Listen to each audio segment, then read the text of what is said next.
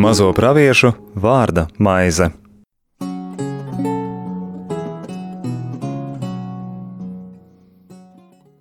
Slavēts Jēzus Kristus. Mūžīgi mūžos slavēts Studijā Stela.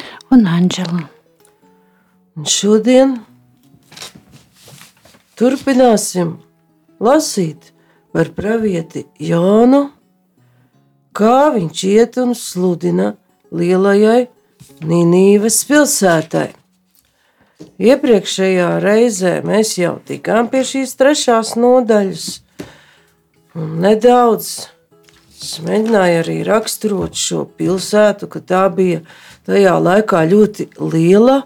Pat kādus 50 gadus tā bija pasaules lielākā pilsēta. Tajā bija ievērojama biblioteka un nedaudz minējām arī to. Es pat neatceros, tā bija vai nebija, jo ir pagājis diezgan ilgs laiks, kad tā bija arī jau ļoti sena vieta, apdzīvot jau 6000 gadus iepriekš, un jau no 3000. gada pirms Kristus, nu tā aptuveni jau kļuva par dievietes iztaras pielūgsmes vietu, un līdz ar to ir jautājumi par nosaukumu Ninīve, it kā iztara Ninīve, mums ir skaidrs, ka tie ir divi dažādi vārdi, bet ja mēs atceramies jau šo to no svētajiem rakstiem, būsim jau sapratuši, ka nosaukumiem un arī cilvēku vārdiem rakstu kontekstā arī šajās kultūrās, par kuriem vēstīja raksti, bija ļoti liela nozīme. Tā, piemēram, ap Ziemassvētkiem mēs bieži sakām, Bēntleme, Bēntleme, bet nepadomājot, kas tas īsti ir. Bēntlehem, ebreju valodā izrādās maizes nams, maizes māja. Piedzima Kristus, kas pats kļūst cilvēkiem par dzīvo maizi. Un te var domāt, kas ir īsti pateikts ar šīs pilsētas nosaukumu. Dažkārt šie nosaukumi arī mainījās.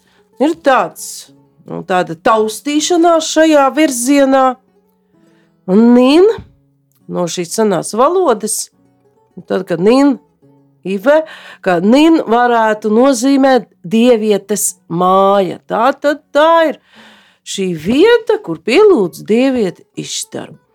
Un Karaļa pils ap 7. un 8. gadsimtu pirms mūsu ēras bija slavena ar savu krāšņumu, bagātību, skaistumu, un to pat ir raksturojuši kā pili bez sāncenšiem. Tā tad nekā līdzīga senajā pasaulē nebija. Tos apmērus laikam iepriekšējo reizi jau minēju. Virs mūra sienas varēja uz virs tās sienas varēja novietoties blakus trīs kaujas rati. Varēja pat to sienu, aizsargu sienu mierīgi braukt. Un bija ap 1500 torņiem.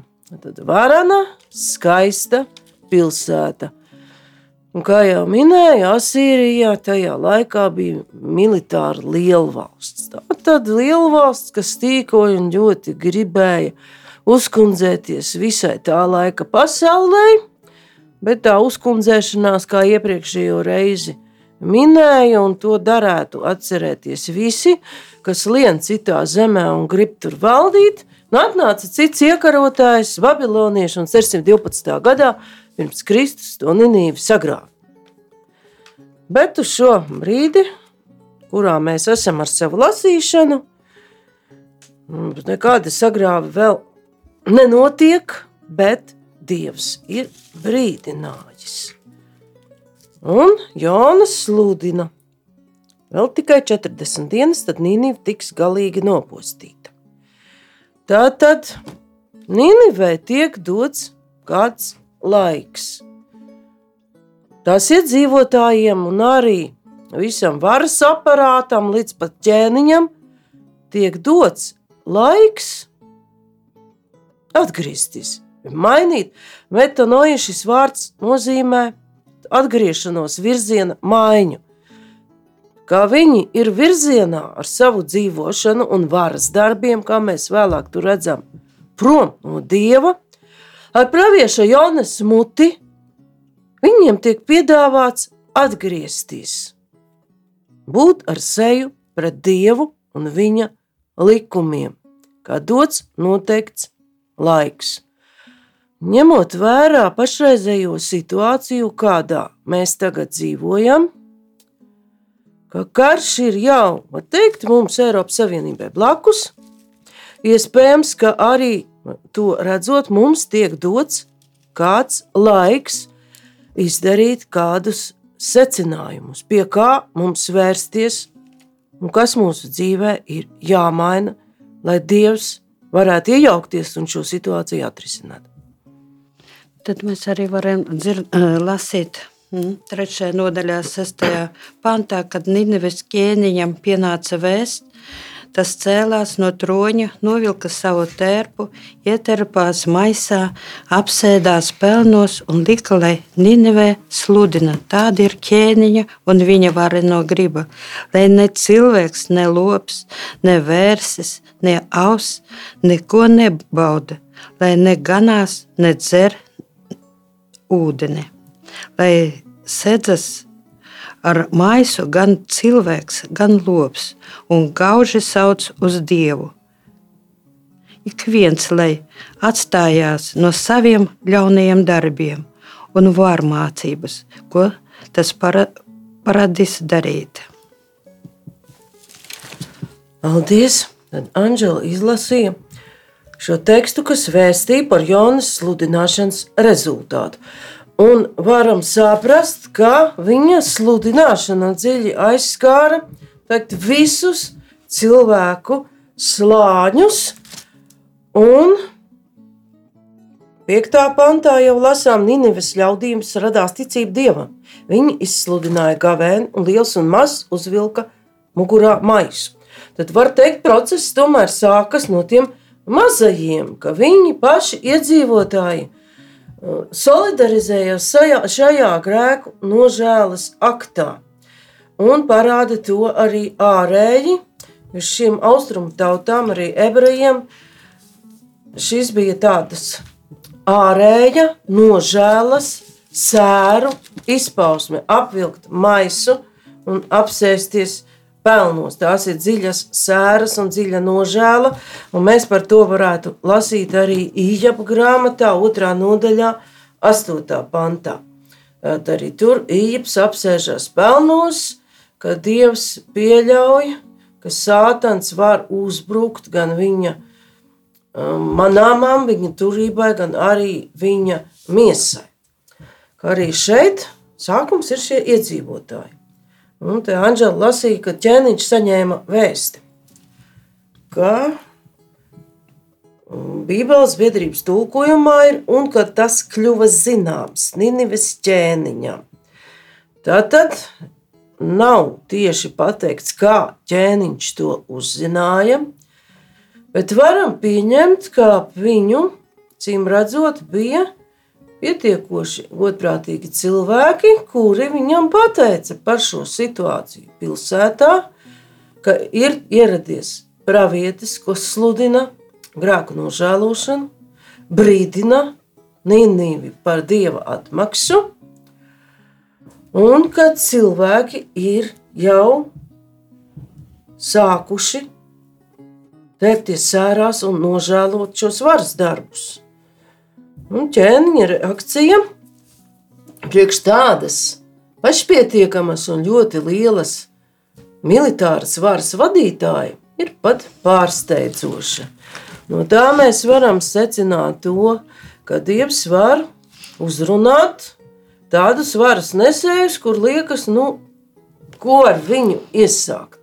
Viņš vispār dievam nav sasniedzams. Viņš ir galīgi nocietinājies par šī ķēniņa sirds stāvokli nekas nav teikts, bet tālākais teksts par to liecina. Jo, kā jau Anģela nolasīja, ko viņš dara? Piec, viņš pirmkārt pieceļas, viņš ir sēdējis tronī, varas krēslā, viņš pieceļas no tā. Purpurs, valdnieka drānas, kas simbolizē varenību, valdnieka statusu, viņš tās novelk, viņš noliek nost šo savu varu. Ietērp savu miesu maisas drānās, sajozās un apsēdās pelnos. Tad viņš vismaz arī ārēji apzinās, ka tāpat kā citi Ninības iedzīvotāji ir grēkojis, ir pastrādājis varas darbus, un ka viņam ir jāmaina šī nostāja. Un viņš neapmierinās ar to, ka pats veicis šo grēku nožēlas aktu, viņš izdod pavēli. Un ķēniņš rīkojas ļoti raksturīgi, kā dažkārt arī valdītāji vēsturē. Ja mēs sāktu mm, pētīt baznīcas vēsturi, dažkārt arī baznīcas vadītāji izdod vēl daudz bargākus noteikumus nekā tie ir rakstos, vai kādas ir dieva prasības. Vai tas ir labi un slikti, vai slikti, tas paliek atklāts jautājums. Bet ķēniņa rīkojumā mēs arī varam saskatīt ļoti dziļu jēgu un nozīmi, ko pilnībā varam saprast tikai caur jaunās derības prizmu. Kas tur nēd un nedzer, un kas ir maisos un pelnos?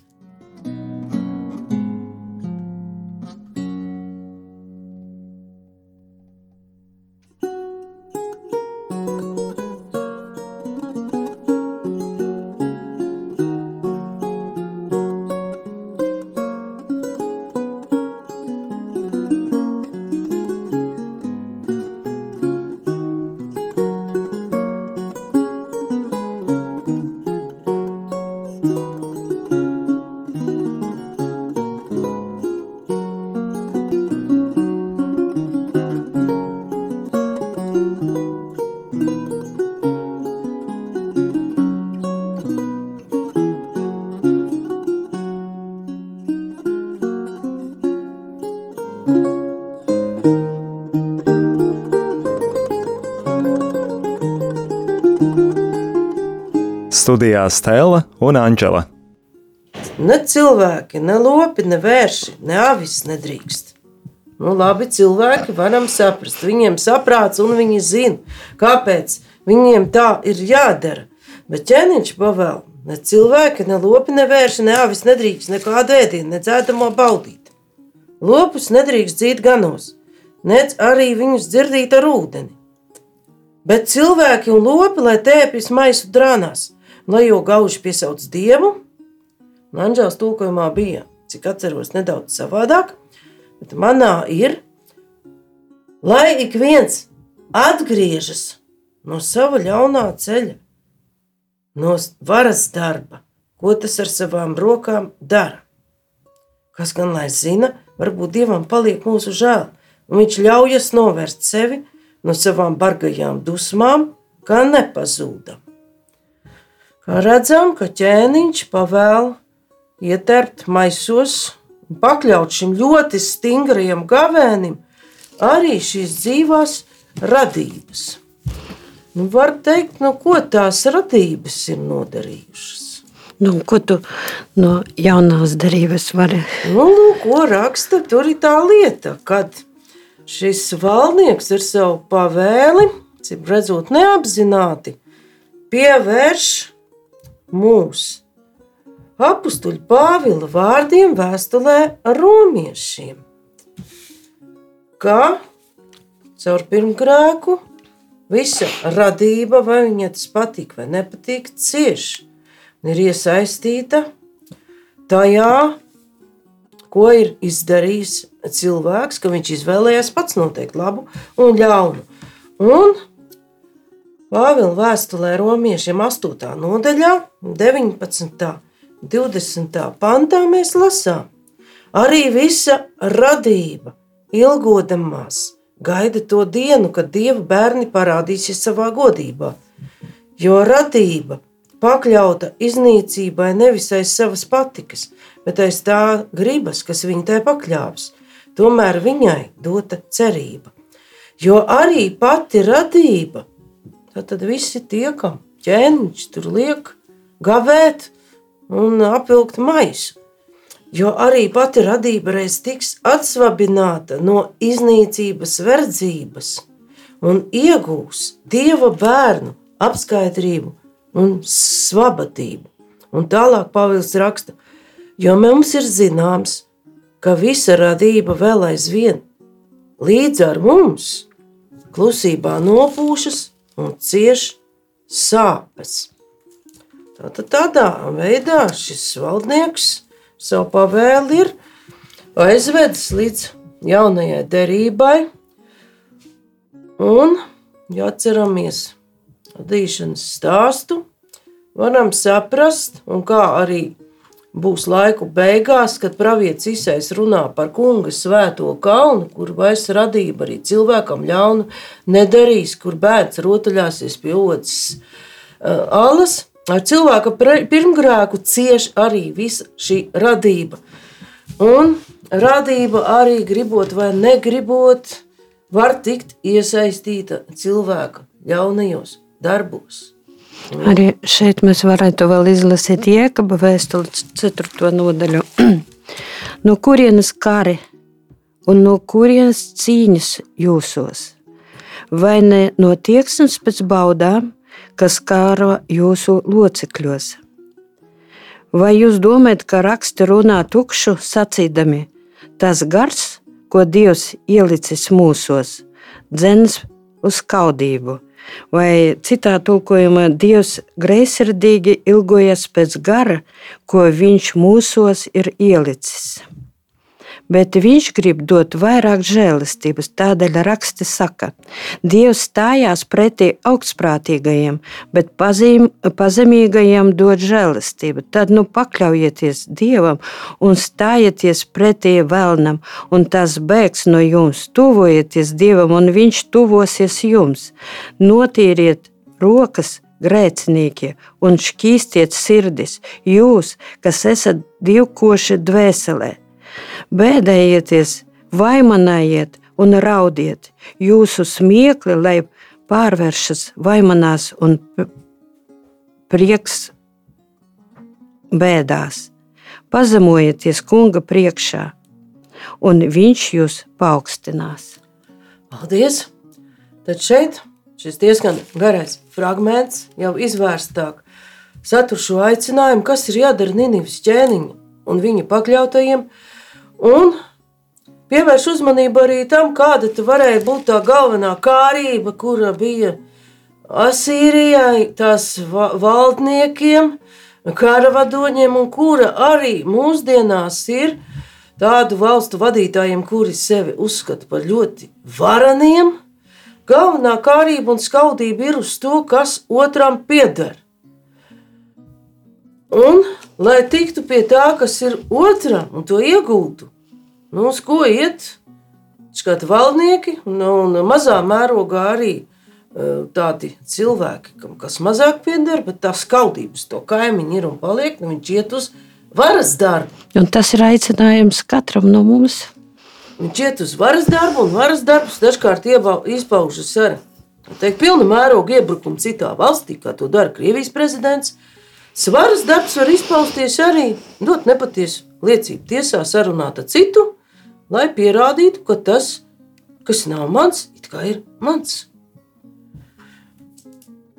Kā teksts ļoti aktuāls. Aktuāls arī mūsdienās. Un katram cilvēkam, jo tādas ilgas pēc kaut kā, kas īsti mūsu nav, var rasties ļoti ātri. Un vēlēšanās to realizēt, jebkurā veidā arī Jo kas ir varas darbs, tas arī būtu atsevišķs temats, jo varas darbs nevienmēr nozīmē tanku, lielu gabalu vai, teiksim, indi krūzītē. Tas varētu būt arī vārdi, datu sagrozīšana, arī dokumentu filtrošana un daudzas un dažādas metodas, kas pat nav saistītas ar cilvēka dzīvības atņemšana. Tāpēc šeit ir aicinājums atgriezties mums Jā. visiem. Un te ir ķēniņš. Izrādās, ka ķēniņš pat uh, nodot tālāk ar savu rīkojumu to, ko tas ieklīdušais pravietis ir vēstījis.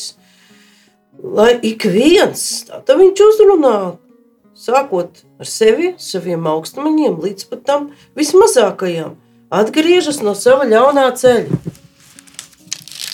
un no varas darba.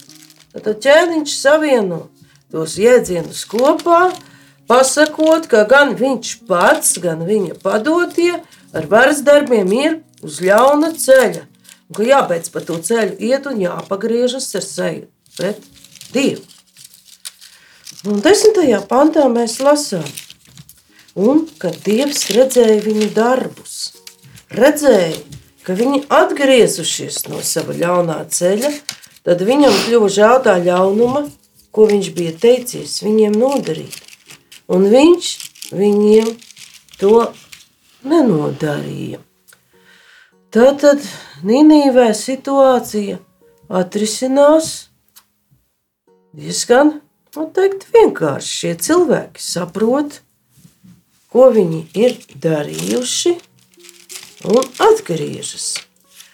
Te nav teikts, cik ilgi gavēja cilvēki un dzīvās radības, arī ķēniņš. Jāna ir teicis, ka pilsēta var tikt iznīcināta pēc 40 dienām. Nav teikts, ka gavēns ilgst 40 dienas, kā iespējams, ka Dievs atsaucas jau niniviešiem daudz ātrāk. Nu, Ekseģēti diskutē par to, un tas pat man likās interesanti. Viena daļa uzskata, ka tā nožēla esot bijusi ķēniņam un viņa ļaudīm tāda diezgan formāla un ārēja. Un kā ir desmitais pants šajā tulkojumā? Manā tulkojumā. Tur šo to var saprast, kā tur Kad Dievs redzēja viņus tā darām, ka tie atgriezušies no saviem ļaunajiem ceļiem, tad Dievs atstājās no visa ļauna, ko bija ielicis, ie, teicis tiem darīt, un to nedarīja. Paldies, ka jēga diezgan tuvu. Un, ja tā uzmanīgi lasām, tomēr, kad Dievs redzēja viņu darbus, redzēja, ka viņi atgriezušies no sava ļaunā ceļa. Nu, šeit, šajā tulkojumā redzēja viņu darbus, nav pateikts, vai Dievs pie šiem darbiem pieskaita tikai tēpšanos, maisos un tādu ļoti bargu gavēni, vai šie darbi jau sniedzās tālāk, jo šis bargais gavēns jau neaizliedza cilvēkam izlīgt ar cilvēku, veikt labus darbus tuvākā labā. Nu jā, tas varētu būt arī satriektas sirds, pilna nožēlas, un cilvēks nožēlo to, ko viņš ir darījis Jā, varbūt šis darbs ietver arī tiešām tādu īstu, dziļu nožēlu, jo bez tās jau Dievs nevarētu redzēt, kas te tālāk ir teikts, ka viņi atgriezušies no ļaunā ceļa. Tātad vismaz tajā brīdī Nīniviešiem un viņa valdniekam bija īsta grēku nožēla, un viņi bija atgriezušies no sava ļaunā ceļa. Un Dievs uzreiz ir ļoti atsaucīgs. Viņš nenodara to ļaunumu, kuru bija teicies nodarīt. Un īpaši, ja mēs atceramies, ka Dievs redz mūsu sirdis, ja, un kad mūsu sirdis ir satriektas, tad Viņš arī to redz. Ja, un tā ir tāda, nu, tad arī cilvēkam tāda nožēla varētu būt dziļa. Ar satriektu sirdi. Tad, kad viņam ir paziņots, ka če, pēc 40 dienām aizies bojā visi cilvēki un visa pilsēta. Un tur var teikt, ka uh, šī nožēla šajā gadījumā iespējams uzmodās arī caur bailēm. Nu, bet tas satriektu. Bailēm un uh, Bet eh, šeit nožēla caur satriekto sirdi. Vairāk nedarīt tā, kā Nu, darīja. un tur eh, šīs bailes tomēr piesaista arī ļoti grūti ir pateikt tieši, kā Jānis sludināja, bet acīm redzot, viņš ļoti labi pratis savienot savā uzrunā, savā sludināšanā šo cēloni un sekas, un ļoti labi pratis šiem cilvēkiem izskaidrot, kas izraisīs šo bojā eju, ka tie ir jūsu pašu ļaunie darbi, un ka cilvēki saprata, ka tas ir šeit... nožēlas vērts un mainīja savu nostāju. Jā, šeit mēs varētu vēl uh, lasīt un atcerēties līdzību par pazudušo dēlu. Ja? Un Lūkas evanģēlija 15. nodaļā, un kad, kad dēlam nebija jau ko ēst, viņš atcerējās par tēva mājām.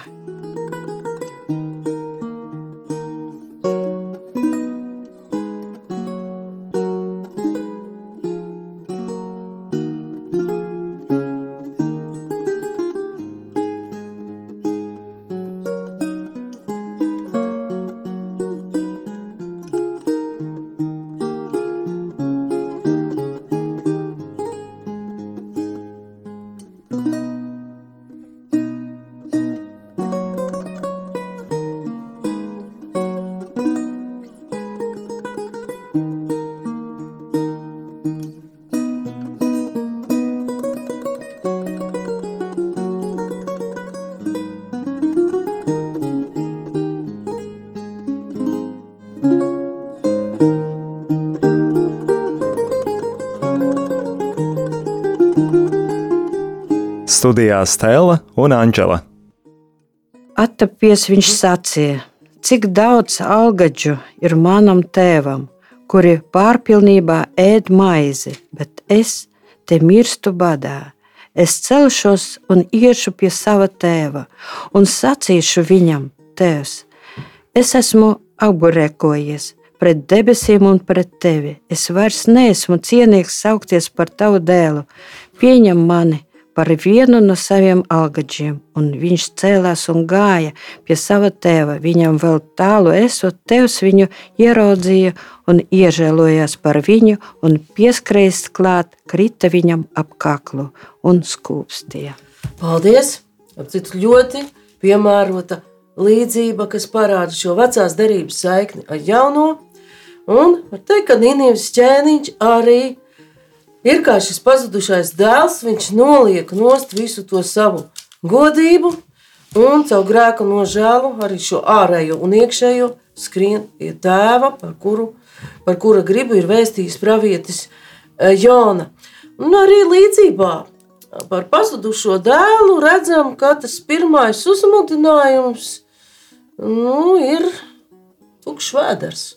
Nav ko ēst, un bats, un vispār ko es te sēžu. Mana tēva namā daudz kā bija. Iespējams, ka šeit pirmais impulss arī varētu būt pagaidiet, bet man ir laba pilsēta. Man ir labs veikals, un vispār es esmu dzīves, vesels un pēdas, un pēc 40 dienām tā viss nebūs. Jāklausās, ko šis pravietis runā, ko mēs izdarījām. Iespējams, neviens vien arī tur atcerējās, kādu varas darbu pastrādājis pret tuvāko, ķēniņš atcerējās, augstmaņa atcerējās, kad ir bijis nepareizs mērs, svars, kad ir uzbrucis savam tuvākajam ar vārdiem. Un tieši šajā Gaveņa laikā. Gaveņa laikā, starp citu, iznāk, ka mēs lasām pat ļoti piemērotā laikā, gaveņa sākumā. Arī gavēnis, arī šī sēdēšana pelnos un maisā, varētu teikt, dēls iet pa ceļu, pazudušais dēls, viņš iet uz mājām. Bet arī šis valnieks ar saviem pazu, padotajiem un ar visu savu uh, lopu saimi, un kas nu tur ir maisos un pelnos un gavē, arī ir ceļā, ka viņi savā sirdī iziet šo nožēlas procesu, lai caur šo nožēlu mainītu savu attieksmi pret tuvāko, pret lietām, ko viņi dara, un spētu atgriezties pie Dieva. Tēva mājās. Tēva mājās, jā. Un redzam, ka desmitajā pantā jau ir šis vēstījums, ka Nīnivieši atkal ir tēva mājās, Jo, ja cilvēks staigā dieva ceļus, arī tā vieta, tā valsts, kur viņš dzīvo, viņam ir šīs tēva mājās, viņš eh, arī lūkšanā un labus darbus darot, viņš var katru brīdi būt tēva mājās. Viņam kļuva žēl tā ļaunuma, ko viņš teica viņiem, un viņš viņiem to nenodarīja. Tad Nīnīvieši caur grēku nožēlas atgriešanās procesu ir nonākuši tēva mājās. Šeit nekas nav vēstīts, kā tālāk viņiem gāja ar šo dzīvošanu dieva ceļos. Vēsture liecina, ka periods varētu būt bijis ļoti neilgs. Bet nākamo reizi mēs lasīsim jau Jonas grāmatas noslēdzošo nodaļu. Un šeit tā ievadījumam es lasīšu tikai 4. nodaļas pirmo pantu. Bet tā, tas sagādāja Jonam lielu vilšanos, un viņš iedegās dusmās. Izrādās, ka Jona nemaz nebija priecīgs, ka Nīnības pilsēta sākot ar ķēniņu un beidzot ar sīkāko mailopiņu nožēlo grēkus un atsakās no saviem ļaunajiem darbiem. Bet par to, ka arī tāda iezīme zināmā mērā piemīt mums visiem, jo dažkārt ir ļoti grūti pieņemt dievu žēlsirdību, jo šobrīd ļoti grūti pateikt, kāda būs reakcija būtu, ja mēs uzzinātu, ka Krievijas prezidents Putins ir atgriezies Jā. no saviem maras darbiem. Jā. Lūkšanā par viņu. Lūkšanā par, un, cik, un tik tiešām ir šis aicinājums, un arī es vēlētos aicināt Lūksim par viņu, viņa karavadoņiem. Un par viņa sirdi, lai viņa... Un par viņa sirdi, lai viņš spēja atgriezties no saviem ļaunajiem darbiem un vest karaspēku mājās. Bet par Jonas dusmām un kas no tā iznāca, mēs lasīsim jau nākošajā reizē. Paldies par uzmanību! Studijā bija Stela un Anģela. Izskanēja raidījums Mazo praviešu vārda maize. thank you